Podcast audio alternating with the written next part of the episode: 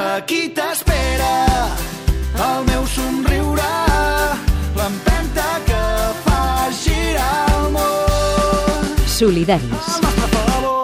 Idees que transformen. Parlem ara de pressupostos, Amb Adrià Bas. que avui resulta que són la notícia del dia. En concret, avui ens fixem en el pressupost presentat pel Departament de Treball, Acció Social i Famílies.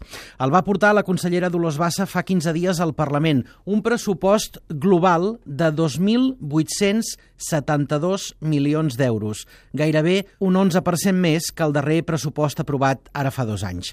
Els spotlights, els punts principals que la consellera va destacar el dia de la presentació, millorar la renda mínima d'inserció, les polítiques d'autonomia personal i dependència, la inclusió social i l'ocupació. D'aquesta xifra en dependran també les polítiques d'atenció a la infància, la lluita contra la pobresa infantil i contra l'exclusió de les famílies amb nens. Avui, el comentari dels que més en saben dels solidaris l'hem demanat al membre de la PINCAT, la Plataforma d'Infància de Catalunya i col·laborador d'aquest programa, en Felipe Campos. Will you win? It's your show now, Fa dos anys que no tenim pressupost. Durant el 2016 n'hem tingut un de prorrogat i que, per tant, cap canvi significatiu en les polítiques socials i en l'acció de govern. Malgrat tot, en els últims anys hem vist avenços legals i en serveis a Catalunya. Però això continua molt per sota de la mitjana europea en recursos destinats a la infància. Però voldria apuntar algunes reflexions precisament perquè els nostres nens i nenes s'estan jugant molt en aquest precís moment. Tenim un bon articulat de llei de protecció de la infància. Ha estat treballat i ha estat reflexionat.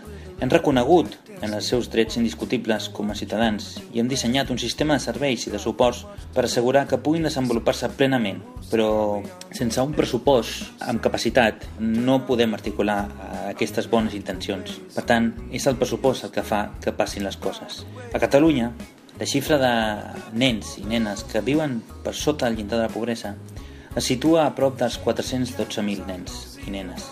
La pobresa severa a la infància s'ha incrementat un 23% entre els anys 2013 i 2015. Tot això fa que el nostre imaginari s'acabi acostumant a aquesta maleïda frase un de cada tres nens i nenes disposa de menys recursos dels necessaris per viure. Això no vol dir una altra cosa que al nostre país hi ha nens i nenes que veuen vulnerada la seva dignitat.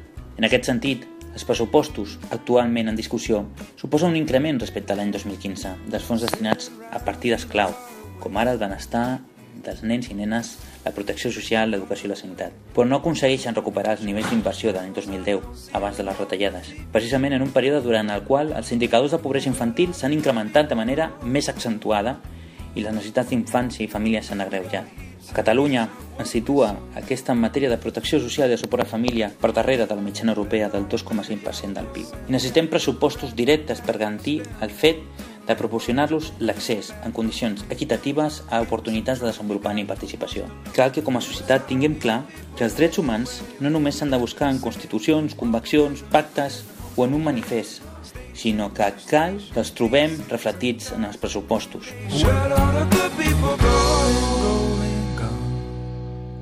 A Facebook, a Twitter i a catradio.cat, Solidaris. Amb Adrià Bas.